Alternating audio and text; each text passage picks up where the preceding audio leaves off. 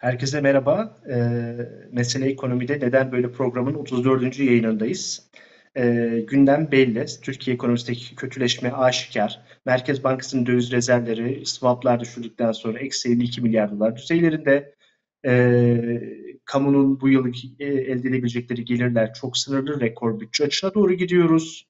Ve bu esnada da dolar kuru da yeni rekorlara doğru yol açıyor ve son dönemde daha çok konuşmaya başladığımız bir şey daha var. CDS yani Türkiye'nin 5 e, yıl vadeli euro tahvillerinin kredi e, notunun e, düşmesi gibi bir nevi sigorta priminin çok yükseğe ulaşması %8,3 düzeyinde yani 830 bas puan civarlarında. İşte bu dönemde e, Türkiye e, muhtemelen bir döviz kıtlığına doğru gidiyor ve buna dair konuları, ekonomiye genel etkilerini ve ardından siyasi ve sosyal uzantılarını e, değerlendireceğiz. Bugün bizimle Cumhuriyet Halk Partisi Genel Sekreteri Selin Sayık Böke var. Kendisi aynı zamanda bir iktisatçı. Hoş geldiniz.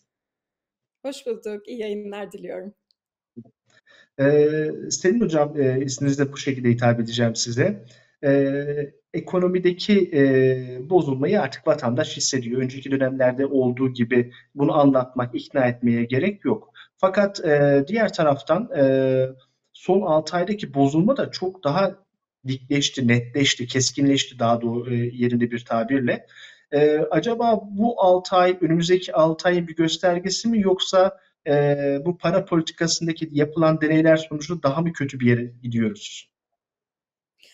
Ya esasında Türkiye ekonomisinin böyle gelip geçici olmayan çok yapısal bir kriz yaşadığını uzun süredir e, hepimiz hem teknik gözle biliyorduk hem de içinde yaşayan yurttaşlar olarak gözlemliyorduk. Yani e, hem üretken alanlarda gelir yaratıcı yatırımlardan çok uzun yıllardır eksik kalınmış olması ve ranta yatırım yapılmış olması hem bunun üzerine eklenmiş olan derin bir yönetim değişikliği ve onun ortaya çıkardığı yönetim krizi.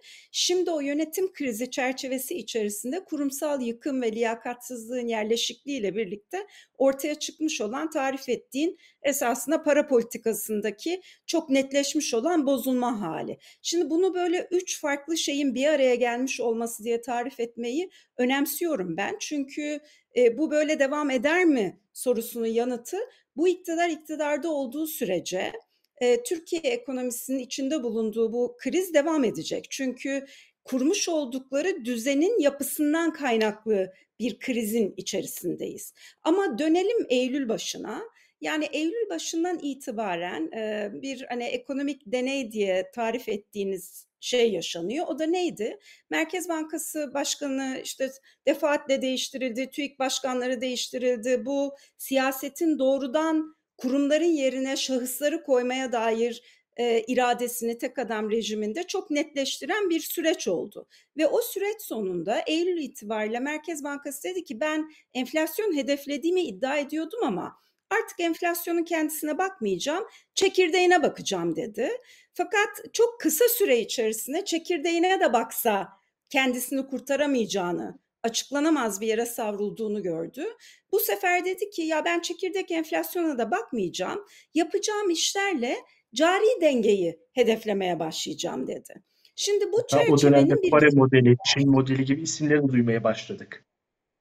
Ee, çok doğru. Ondan sonra da bunun esasında hiçbir model olmadığı, bir ekonomi politikası dahi olmadığı ortaya çıkınca, çok netleşince daha doğrusu bu sefer adına bir Türkiye modeli iddiası kondu. Bunun bir geçmişi vardı ama Eylül'de böyle netleşmiş olan şey esasında Cumhurbaşkanı, AKP Genel Başkanı'nın tek adam rejiminin e, resmi e, tarihi olan 2018'den itibaren çok net bir biçimde ifade ettiği faiz sebep enflasyon sonuçtur iddiasıydı. Yani bu iddia ve o çerçeve orada dururken Merkez Bankası esasında siyasetin tam güdümüne geçtikten sonra bu politika çerçevesinin nasıl uygulanacağına dair bir dizi ekonomide anlam içermeyen şey söylemeye başladı. Sonuç ne oldu diye bakarsak esasında buradaki kurumsal yıkım, şahısların kurumların yerine geçmiş olması, keyfiliğin kuralların yerine geçmiş olması ve liyakatsizliğin bilimsel, rasyonel düşüncenin yerine geçmiş olmasının sonucu ne oldu diye baktığımızda da yüksek enflasyon sorunuyla Türkiye baş başa bırakıldı bu iktidar tarafından. Enflasyonun altında eziliyor olan gelirler nedeniyle büyük bir hayat pahalılığı sorunuyla karşı karşıya bırakıldı milyonlar. Bununla birlikte hani iddia edildiği gibi cari denge falan da tabii ki ortaya çıkmadı ve büyük büyüyen cari açık sorunu da süre gelir bir şekilde orada duruyor. Yani hem enflasyon patladı hem cari açık patladı. Yani ne enflasyon hedefi tutturulmuş oldu ne iddia edildiği gibi bu yeni model ışığında e, tutturulacağı iddia edilen cari denge tutturulabildi. Bunun böyle olmayacağını esasında teknik gözle bakanlarımız zaten önden biliyorduk. E, ve buna dair uyarıları da yapmıştık. Maalesef göz göre göre bir kriz yaşıyoruz. Üstelik de iddia edilen hiçbir şeyin gerçekleşmediği. Yani neydi ilk iddia bu politika çerçevesinde? Faizleri düşük tutacağız iddiasıydı iktidarın. Ne yaptı? Politika faizini düşürüyormuş gibi yaptı. Ama nihayetinde vatandaşın fiilen piyasalardan borç alırken, işte dışarıdan ülke olarak bizler borçlanırken ödediğimiz faizler de e, yükseldi. Yani özetiyle hani bu e, bir bir kere bir yapısal kriz, ekonominin ve siyasi sistemin, rejimin yapısından kaynaklı, düzenden kaynaklı bir kriz, gelip geçici bir şey değil. Ee, ve bu gelip geçici olmayan kriz içerisinde de çok net yaşıyor olduğumuz gerçeklik bu politik tercihler sonucunda yüksek enflasyon, teknik olarak da fiilen de yüksek, yüksek hayat pahalılığı çünkü gelirler bu enflasyonun çok altında kalıyor. Dolayısıyla vatandaş büyük bir hayat pahalılığı sorunu yaşıyor. Bununla birlikte faizler çok yüksek.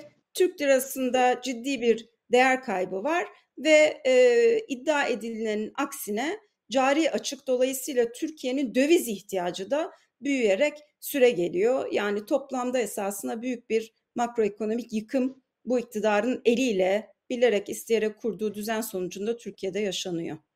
Krizin nedenlerini çözmek yerine krizin nedenleri halindeler ve bu esnada belirtilere yönelik e, yapmış oldukları e, hamleler daha başka sorunlara yol açıyor. Örneğin döviz kurunu durdurmaya çalışırken herkesi emlak teşvik ettiler ve bir baktık ki konut fiyatları arttı. Sonra iki yıldır pandemi nedeniyle okula gitmeyen öğrenciler, üniversite öğrencileri bir anda e, çok yüksek kiralar veya yurt ücretleriyle karşılaştılar. Böyle sorunlar yaşandı. E, haliyle e, bir hatayı bozdukları bir yeri düzeltmeye çalışırken başka birkaç yer daha e, bozuluyor. Ama bunları da toparlamak için madem para politikasında böyle çılgın deneyler yapıyoruz o zaman maliye politikasını kullanalım. Hatalarımızı böyle düzeltelim dediler ve kur korumalı mevduatı getirdiler veya dövize dayalı e, hazine e, gelir garantili projeleri ortaya koydular. Fakat tüm bunları hesaba kattığımız zaman sanki bu sefer maliye politikasında çok alan yok gibi. Hani bir dönem e, AKP ile konuşulan mali disiplin, e, düşük borçluluk, Avrupa'daki ülkelere kıyasla daha e, gerektiğinde kullanılabilecek bir e, kamu harcaması gibi alanları da sanki tükettik gibi diye düşünüyorum. Yoksa ben e, bir bir muhalif olarak sizce çok e, ön yargılı mıyım? Ne dersiniz hocam?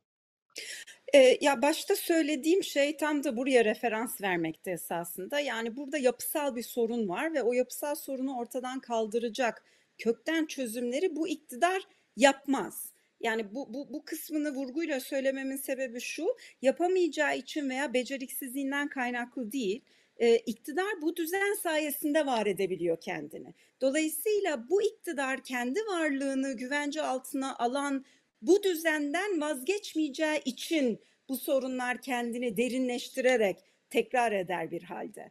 O yüzden de hani kendi yapısal sınırlarına gelmiş olan bu düzeni değiştirmeyeceği için iktidar düzen içerisinde yamaları koyma gayreti içerisinde ve e, ben de bu tahlile katılıyorum. Yani burada ortaya konan politikaların kendisi sürdürülemez olan bu ekonomik düzenin sürdürülemezliğine katkıda bulunuyor ve çöküşü ve yıkımı da hızlandırıyor.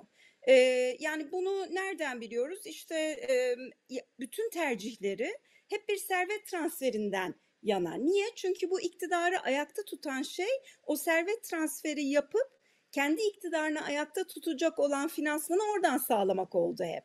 Kamu ihale kanunu değiştirerek yaptı, kamu özel işbirliği projelerinde döviz garantilerini hazine üzerinden bir avuç yandaş şirkete aktararak yaptı. Türkiye Varlık Fonu'nu kurup esasında bir borç ve ipotek merkezi olarak içerisine Cumhuriyet miraslarının hepsini koyup bunları bir perdenin arkasına gizleyerek buradan rant transferi yaparak yaptı. Şimdi kur korumalı mevduatla yapıyor. Şimdi adına GES dediği uygulamayla yapıyor. Yani iktidar hep bir servet transferi uygulaması ve politika tercihini e, esasında günden güne derinleştiriyor. Şimdi bu niye önemli?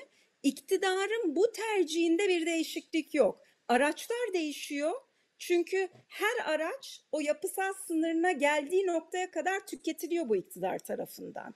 O sınıra gelindiğinde aynı doğaya sahip, aynı sınıfsal tercihlere dayanan, aynı ekonomi politiğe dayanan yani halktan alıp bir avuç imtiyazlının cebine aktaran ve oradan kendi iktidarıyla paylaşan bir düzen kurmuş vaziyette. Yani araçlar değişebilir ama özde uygulanan şey değişmiyor. Şimdi böyle baktığımız zaman esasında kural yok. Dolayısıyla hani iddia o ki işte geçenlerde açıklamasını yapıp yakında bir şey açıklayacağız deyip birkaç saat sonra ar- ardı arkasına yapılan açıklamalarda ne dediler? Ya biz esasında bir serbest piyasa ekonomisiyiz dedi Hazine ve Maliye Bakanlığı. Öyle bir serbestlik falan zaten yok değil mi? Kurallı işleyen bir sistem de yok. Ee, ama bayağı parti devleti anlayışıyla bu iktidarın kendi yandaşları diye tanımladıklarına kaynak aktarımı üzerine kurulmuş olan bir servet transferi düzeni var. Yani neoliberal sistem içerisinde e, en uç noktaya savrulmuş, denetlenmeyen, e, herhangi bir mali disiplinden bahsedilemeyecek, e, herhangi bir kamu yararı gözetiminden bahsedilmeyecek, herhangi bir kurumsal yapıdan bahsedilmeyecek bir yıkımla karşı karşıyayız. Yani araçlar değişiyor ama iktidarın özü ve ekonomik politik tercihi değişmemiş oluyor. Bunun maliye tarafındaki ortaya çıkarttığı yıkım çok uzun süredir yaşanıyordu halk açısından zaten. Neydi o yıkım? Zaten ödenen vergiler halkın ihtiyaçlarını gidermek için kullanılmıyor çok uzun süredir Türkiye'de. İktidarın bugün de tercihleri yine halkın yaşıyor olduğu hayat pahalılığını çözmek için değil, halkın yaşıyor olduğu işsizlik sorununu çözmek için değil, halkın yaşıyor olduğu sosyal adaletsizlikleri gidermek için değil, yine kendi yandaşlarına, bir avuç imtiyazlıya, imkanı olana kaynak aktarmak için kullanıyor. Bu açıdan baktığımızda yani halk açısından baktığımızda zaten hiçbir zaman halkın ihtiyaçlarını gözeten, kamu yararı gözeten bir maliye politikası uygulanmamıştı. Bugün de daha da daralıyor olan alan içerisinde iktidarın bu tercihleri halk açısından maliye politikasının daha da daraldığına işaret ediyor. Bunu niye halk açısından diye vurguluyorum? Çünkü iktidar değiştiği zaman var olan kamunun kaynaklarını farklı kullanarak sorunların çözülmesi hala mümkün. Ama bu iktidar iktidarda kaldığı her günde buradan günden güne uzaklaşıyor olduğumuz e, ve dolayısıyla maliye politikasındaki halkın ihtiyaç duyduğu alanlarda da e, alanın günden güne daraldığı gerçeği de e, maalesef ortada duruyor. Yani sürdürülemez bir politika çerçevesi var bu iktidarın. O sürdürülemezliği para politikasına çok net yaşadık. E, maliye politikası uzun yıllardır zaten halktan yana kullanılmıyordu. Şimdi e, adeta altın vuruş peşinde koşan bir rantçı ve servet transferi yaklaşımıyla var olan alan daha da çok daraltılıyor. Onun için de gün kaybetmeden acilen çok hızlı bir seçime ihtiyaç olduğunu da altını çiziyoruz biz. Çünkü iktidar değişmediği sürece bu yıkım devam edecek. Ki pandemi dönemi bence bunun en net olduğu kısımdı. Çünkü devlet halkına e, İBAN gönderdi bu tür süreçlerde Hı. ama gidip de e, doğrudan kamu desteklerini yapamadılar. Halbuki e, dünyanın en kapitalist ülkelerinde en başında bunu sembolize eden Amerika Birleşik Devletleri'nde çok ciddi doğrudan helikopter para bir şeklinde hane halkına e, harcama çekleri verildi ki o sayede hane halkı serveti şu anda artmış olduğu için yüksek enflasyona rağmen bir yıl sonra iki yıl sonra e, kendi satın alma güçlerini koruyabilir haldeler. Ama bizde bunlar hiç yaşanmadı. Bu bahsettiğiniz servet transferinde esasında Hazine ve Maliye Maliye Bakanı Nurettin Nebati de birkaç gün önce itiraf etmişti. Yani herkes kazanıyor sadece dar geliri kazanmıyor diye.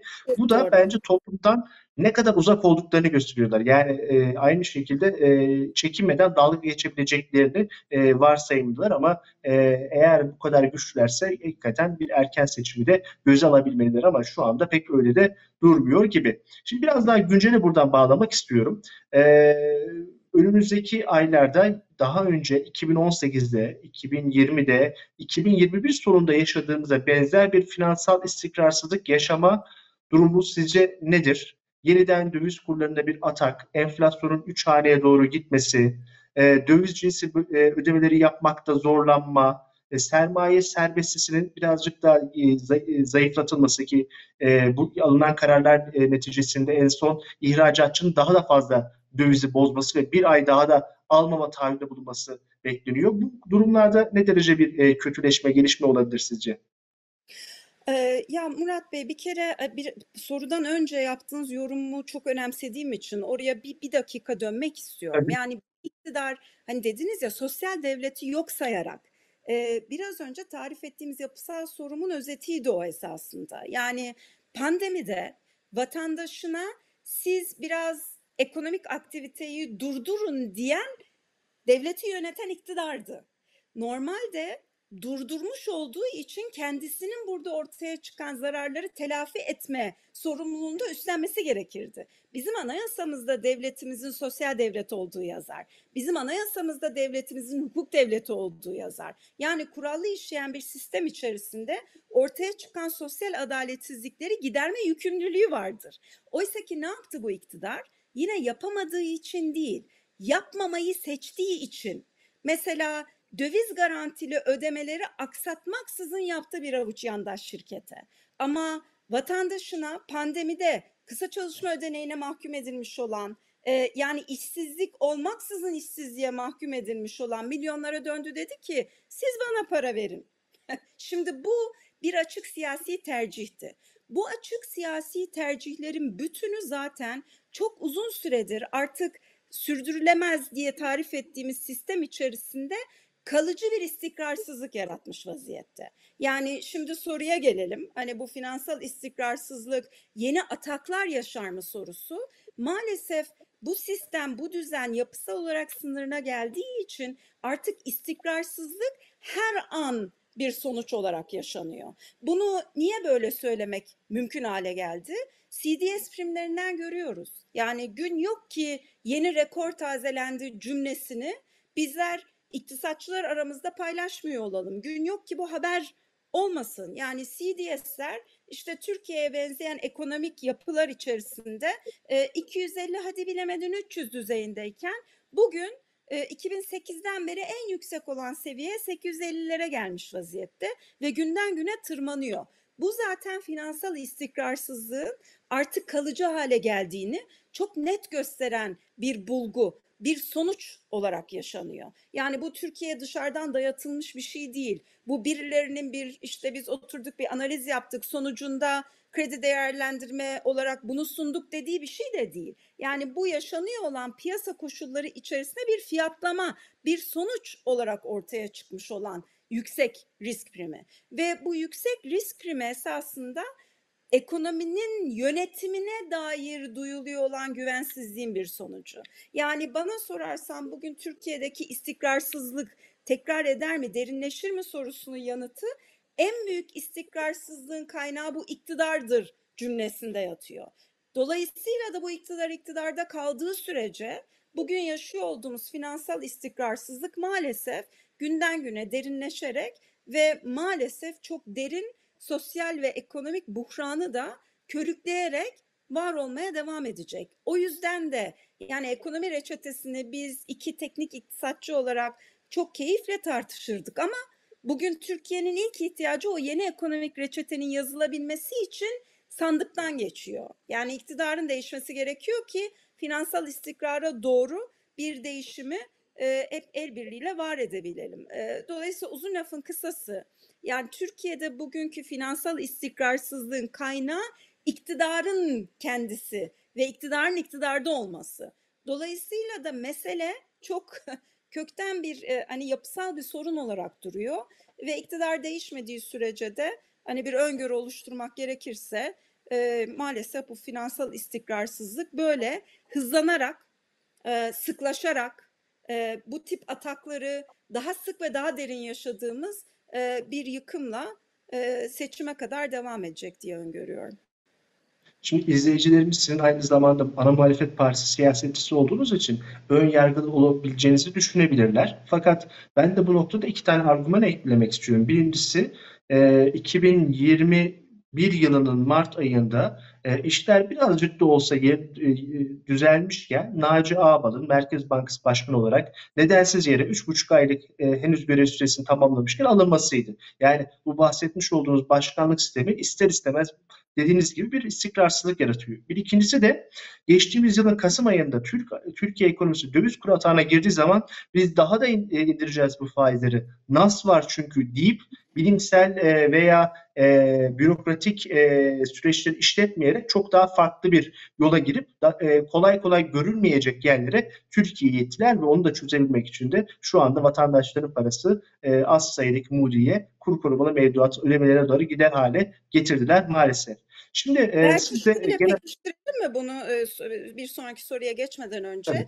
Yani iki tane araç var Merkez Bankası'nın elinde finansal istikrarı e, sağlamak için kullanabileceği. Bir tanesi politika faizi, bir tanesi de uluslararası rezervler. Bunun üzerine ekleyebileceğimiz makro ihtiyati araçlar, işte zorunlu karşılıklar vesaire de var ama bu ikisinin özelinden zaten çok net görüyoruz niye bu yıkımı ve istikrarsızlığı yaşadığımızı. Birincisi politika faizi Merkez Bankası'nın belirlediği bir ekonomik araç olmaktan çıkartıldı.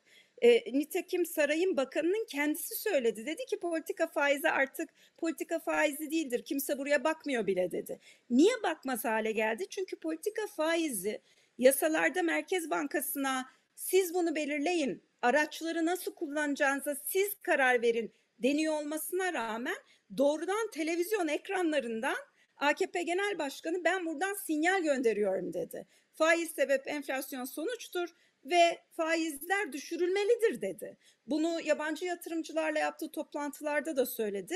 Arkasından televizyon kameralarının önünde de söyledi. Dolayısıyla birincisi paramıza istikrarı kazandırabilecek olan ekonomik araçlardan bir tanesini siyaseten bu iktidar yok etti ve yok ettiğinde açıkça söyledi. İkinci araç ne? Türk lirasının yabancı paralar karşısındaki değerine dair bir işlem yapabilmeyi seçerse Merkez Bankası bunu biriktirmiş olduğu uluslararası rezerviyle yapar. 128 milyar dolar bir heba edilmişti. Şimdi son dönemde 40 milyar dolar daha heba edildiğini biliyoruz. İşte bunları sizler teknik çalışmalarla da ortaya çıkartıyorsunuz. Yine e, bir uzmanlıkla ortaya çıkartıyorsunuz. An itibariyle demin sizin de söylediğiniz gibi eksi 53 milyar dolara düşmüş vaziyette elimizdeki uluslararası rezerv. Bu ne işe yarardı uluslararası rezerv olsaydı? Türk lirasının değer kaybını engellemek için müdahale gücü verirdi Merkez Bankası'na. Oysa ki siyasi sahiplerle Merkez Bankası'nın elinden döviz piyasasına müdahale edebilme yetisini de almış oldu bu iktidar. Yani e, hani bunu bir ana muhalefet partisinin siyasetçisi olarak değil, teknik bir gözle söylüyorum. Yani elde finansal istikrarı sağlamak için kullanılabilecek en geleneksel iki ekonomik araç politika faizi ve uluslararası rezerv bu iktidar tarafından bile isteye yok edildi ve Merkez Bankası'nın kurumsal yapısının elinden alınmış oldu. Dolayısıyla da biz bu finansal istikrarsızlığı günden güne derinleşerek ve sıklaşarak yaşar hale geldik. İşin en enteresanı ise sizin de belirttiğiniz gibi tüm bunların doğru bir şey olduğunu ve gurur, e, düşünüyorlar ve gururla da söylüyorlar. Hakikaten e, o da çok enteresan. Şimdi son olarak tüm bunları bir siyasi ve sosyal sonucu olması gerekir. Çünkü yoksullaşma aşikar. E, enflasyon oranında zamlar, e, daha doğrusu ücret artışları olmadığını biliyoruz. Enflasyon hesaplanması zaten başlı başına bir soru işareti ve işsizlikte e, şu anda son 3-4 yılın belki en çok sayısında ama o kadar uzun süre işsiz kalan gruplar var ki ciddi bir yoksullaşma nedeni oldu. Üstelik bu işler de e, çok da ücret kazandıran değil. Birçoğu da kayıt dışı olan, alan dışı olanlar. Yani tek bir veriye bakarak da bir iyileşme, kötüleşmeden bahsedemiyoruz. Şimdi bu ortamda siyasi olarak önümüzdeki 6 ayda e, nasıl bir şey bizi bekler? Erken seçime gidebilir mi? Gidilse sonuç nasıl olur? Erken seçime gitmeyi neden tercih etsin ki? Çünkü eğer e, şu andaki anketlere iktidar partisinin yaklaşık %40 kadar desteği oldu. Muhalefetin e, bütün halde %60'a düzenli şekilde çıktığı gösteriliyor. Bir de bu esnada farklı grupların bir e, sosyal patlama durumu gerçekleşebilir mi? E, son dönemde gezi olaylarına ilişkin e, kötülemeler iktidar kanadından çok arttı. Diğer taraftan 2001 yılı Nisan'ında e, bir esnaf mitingi vardı ekonomik duruma ilişkin. Böyle bir şey olabilir mi? Veya bir de sığınmacılara karşı e, bir e, ön yargı var. E, tabii Türkiye ekonomisi kötüleştikçe daha dikkat çeker hale geliyor tüm bunlar. E, dolayısıyla hani siyasette ne olur, toplumda ne olur diye bir, bize aktarabilir misiniz? Murat Bey, bir kere bir istikrarlı sonucunu daha görüyoruz bu yaşanıyor olan yıkımın. O da iktidarın rıza üretme kapasitesi ortadan kalktığı için iktidara olan destek günden güne eriyor. Ama daha önemlisi bir yeni siyasi iradenin temsilcileri olarak bizler de sahada sadece ölçümler üzerinden söylemiyorum dolayısıyla bunu. Sahada bu değişime dair talebi ve o değişimin öncüsü olmak konusunda bize halkın atfediyor olduğu sorumluluğu ve dolayısıyla yükümlülüğümüzü çok net görüyoruz. Yani siyasi sonucu ne olur derseniz bu yaşanıyor olan büyük yıkım bir iktidar değişimini getirecek. Biz fakat bunu söylerken yani bu bir doğal sonuç olarak söylemiyorum. Dikkat ederseniz hep yaşıyor olduğumuz bu karanlığı tespit edip bu karanlığın sorumlusunun iktidar olduğunu tahlil ettikten sonra diyorum ki bunlar değişebilir. Değiştiririz. Reçetesi bizde var. Yani dolayısıyla bir yeninin var edilebileceğine dair reçete bizde olduğu için, insan kaynağı olduğu için, siyasi irademiz olduğu için bu iddiayla diyorum ki siyasi sonucu bunun bir iktidar değişimi olacak. Yani Türkiye ekonomisinde yaratılmış olan bu yıkıma mahkum değiliz. Çünkü bize dışarıdan dayatılmış bir şey değil. Öyle iktidarın iddia ettiği gibi bütün dünya benzer bir şeyde yaşamıyor. Veyahut da dış güçlerin Türkiye oynadığı bir oyunun sonucu da değil.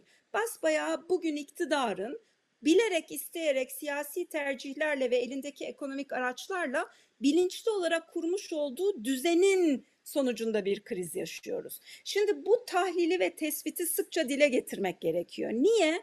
Çünkü yaşanıyor olan derin ekonomik buhrana itirazın doğru yere yönelmesi gerekiyor. Yani vatandaş bugün açlık sınırı 6018 lira, asgari ücret 4253 lirayken yaşıyor olduğu ağır ekonomik koşullarda bu koşullara dair ra- duyduğu rahatsızlığı, öfkeyi, isyan duygusunu neye yönelteceğine dair kafasını yorabileceği bir rahatlık içinde değil. Çok ağır bir şey yaşanıyor. Yani yarın sofraya ekmek koyabilecek miyim kaygısını duyuyor. Çocuklarıma bir gelecek inşa edebilecek miyim kaygısını duyuyor.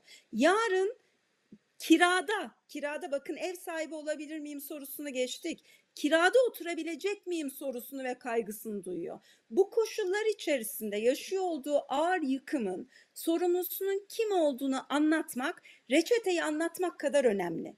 Niye? Çünkü duyuyor olduğu isyan ve öfke duygusunu egemen güçlerin ve iktidarın yönelttiği düşmanlarda değil, düzende olduğunu anlatmamız gerekiyor. Ki itiraz ve yeni siyasi iradenin kurulacağı yer yeni düzen iddiasında olsun. Yani biz bu düzeni değiştirmek üzere toplum olarak buluşuyor olmalıyız. Çünkü ancak o zaman bugün yaşıyor olduğumuz karanlığı aşacağız.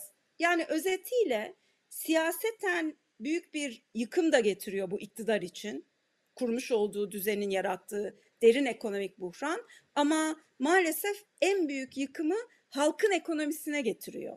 Yani çok ağır bir ekonomik buhranla karşı karşıyayız. Şimdi demin siz de söylediniz. E, TÜİK'in verileri güvenilmez olduğu için onun üzerinden söylemeyeyim, işkur üzerinden söyleyeyim. Yani bizzat gidip ben işsizim. Dolayısıyla desteğe ihtiyacım var diyen insanlar artıyorlar günden güne. Binlerle değil, on binlerle değil, yüz binlerle artıyor maalesef. Şimdi bugün Türkiye'de resmi rakamlara göre 8,5 milyona yakın insanımız işsiz. Ee, yani asgari düzeyde dahi gelire erişemiyor. Ee, emekliler 2500 lira maaş alıyor. Asgari ücrete çalışan milyonlar açlık sınırının çok altında ücret alıyor. Bu neye işaret ediyor? İşsizken yoksulluğa, emekliyken yoksulluğa, çalışırken yoksulluğa işaret ediyor. Yani yaratılmış olan düzenin sosyal sonuçları ne sorusunun yanıtı burada yatıyor maalesef. Derin bir yoksullaşma hali var. Milyonları içine almış olan artık herkesi dar gelirli sınıfına mahkum eden bir yıkımla karşı karşıyayız. Burada önemli olan ortaya çıkmış olan bu yıkımın sorumlusunun iktidar olduğu, sorumlusunun iktidarın kurmuş olduğu düzen olduğunu çok yüksek sesle anlatıyor olmamız gerekiyor. Aksi takdirde iktidar hep bir düşman yaratarak sanki sorumlunun kendisi olmadığını, sorumlunun düzen olmadığını anlatmaya çalışacak. Bu kimi zaman dış güçler oluyor, işte kimi zaman adına faiz lobisi deniyor. Sonra onlara en yüksek faizi ödeyecek adımlar atılıyor. Kimi zaman kimlikler üzerinden toplumu ayrıştırmak oluyor. İnancımız, etnik kimliğimiz, yaşımız, cinsiyetimiz, cinsel eğilimimiz yani bizi biz ne yapan yapan ne varsa bunlar üzerinden bir düşmanlaştırma uyguluyor. Niye? İtiraz düzene ve dolayısıyla düzeni kurmuş olan iktidarı olmasın diye. O yüzden bize düşen bugün iktidarın dayatmış olduğu bu siyasi ve sosyal yıkım karşısında başka bir şeyin mümkün olduğu iradesini ve umudunu büyütmek ve gerçek sorumluluğun iktidar olduğunu, gerçek sorumluluğun iktidarın bile isteye kurmuş olduğu düzen olduğunu anlatmak. Dolayısıyla da el yapımı yani böyle bir yerden dayatılmış bir şey değil. İnsan eliyle kurulmuş olan bir düzenden bahsediyoruz. Yine insan eliyle değiştirilebilecek bir şey. Ee, bizde o değiştirme iradesi var. Yani ranttan yana değil, gelir yaratacak verimli üretken alanlardan yana kullanacağız kamu kaynaklarını. Hangi araçlarla yapacağımız zaten çok açık. Aynı şekilde bugünkü gibi kuralsız, keyfi, şahıslar üzerinde yükselen bir düzende değil, kurallı işleyen, kurumlar üzerinde yükselen, liyakatla yönetilen bir devlet anlayışını var edeceğiz. Demokrasi, güçlü bir parlamenter sistemi kuracağız. Bunları yaptığımızda zaten nihayetinde Türkiye ekonomisi potansiyelini yaşayabilecek ve hem siyasi yıkımı hem bu derin ekonomik ve sosyal buhranı aşacak adımları hep birlikte atıyor olacak. Teşekkür ederim hocam katılımınız için. Ben teşekkür ediyorum. Ee, umudu büyüttüğümüz e, ve doğruyu konuştuğumuz nice yayınlar yapalım diliyorum. Teşekkür ederim. Kısaca özetlemek gerekirse e, dış dünyada yüksek enflasyon olabilir, Ukrayna Savaşı'nın getirdiği zor sonuçlar olabilir ama bizdeki kötüleşmenin ana kaynağının özellikle iktidar partisinin olduğunu, tercihlerin hatayla değil bilerek, isteyerek olduğunu ve bunun çok ciddi bir servet ve gelir transferine yol açtığını, yolsuz, e, yoksulluğun e, istikrarsızlığın sürpriz değil aslında yeni normal hale geldiğini vurguladınız ve bunun e, ancak e, bir seçimle, iktidar değişimiyle olabileceğini çünkü iktidarın kendi dinamikleriyle bunu istese bile değiştiremeyeceğini zaten değiştirmek de hiç istemediğini özellikle altını çizdiniz diyorum. Tekrar teşekkür ederim katılımınız için. Ben teşekkür ediyorum. Herkese sevgi ve saygılar. Sağ olun. Ee, neden böyle programının 34. bölümünde e, Selin Sayak Böke ile ekonomideki kötü gidişatı konuştuk. Konuştuk ama bunun haricinde sosyal etkilerine de özellikle değindik. Çünkü hiç e, benzeri görülmemiş, en azından son 20 yılda benzerini görülmediği rahatlıkla söyleyebileceğimiz bir yoksullaşma var, servet transferi var, e, gayri memnuniyet durumu var ve bunun da e, öyle gözüküyor ki belirli siyasi sonuçları olacak ama onları da önümüzdeki 6 ile 12 ayda izleyip hep beraber göreceğiz. Bir sonraki yayında görüşmek dileğiyle. Hoşçakalın.